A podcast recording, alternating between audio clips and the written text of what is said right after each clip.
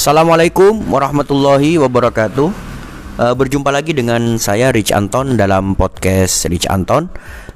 Kali ini kita akan berbicara tentang di antara dua telinga.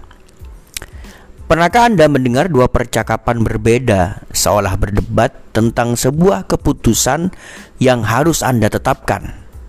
Yang satu jawab ini, yang lain jawab itu. Keduanya bertentangan ada bisikan berbeda di antara kedua telinga Anda. Itulah yang disebut di antara dua telinga. Memilah memilih perlu dilakukan. Temukan cirinya lalu putuskan dengan tepat.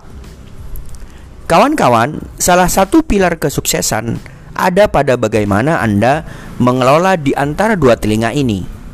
Karena hanya Andalah yang mampu mendengarkannya. Bisikan pertama selalu menyatakan alasan dia selalu berkata, "Ah, mereka bisa karena punya orang dekat." Ah, saya gagal karena saya sempat sakit kemarin. Oh, mungkin ini penyebab saya kekurangan sampai saat ini. Dia pintar membuat alasan. Ingat cirinya, selalu membuat alasan, selalu membuat pribadi ini tak berdaya.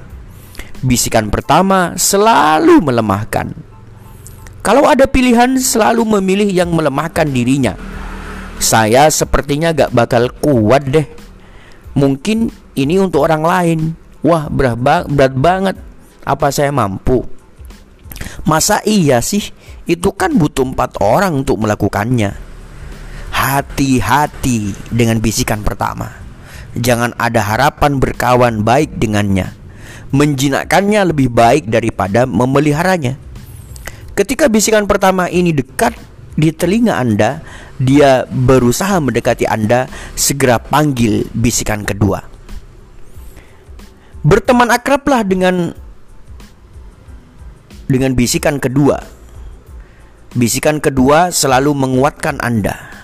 Dia selalu berkata, "Inilah saatnya Anda buktikan."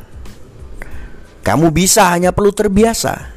Kalau dulu kamu pernah gagal, itu kan cuma pembelajaran tugasnya menguatkan Anda. Bisikan kedua selalu melihat hal positif dan optimis. Dia selalu berkata, "Pasti ada solusi. Setiap kesusahan tersedia kemudahan yang sepadan." Anda beruntung jika berdekatan dengannya, karena hidup Anda selalu positif. Anda selalu memandang kehidupan dengan optimis. Pertanyaannya, bagaimana bisa akrab dengan bisikan kedua? Kondisikan Anda selalu positif dengan membaca buku positif dan berkumpul dengan orang-orang yang positif. Lihatlah hal positif, dengarlah hal positif. Bisikan kedua sangat suka dengan kondisi itu. Ketika Anda dekat dan berkawan dengan bisikan kedua, maka pola pikir, pola rasa, serta tindakan Anda adalah hal positif hidup akan hidup Anda akan positif. Nasib Anda akan positif, kehidupan Anda pasti positif.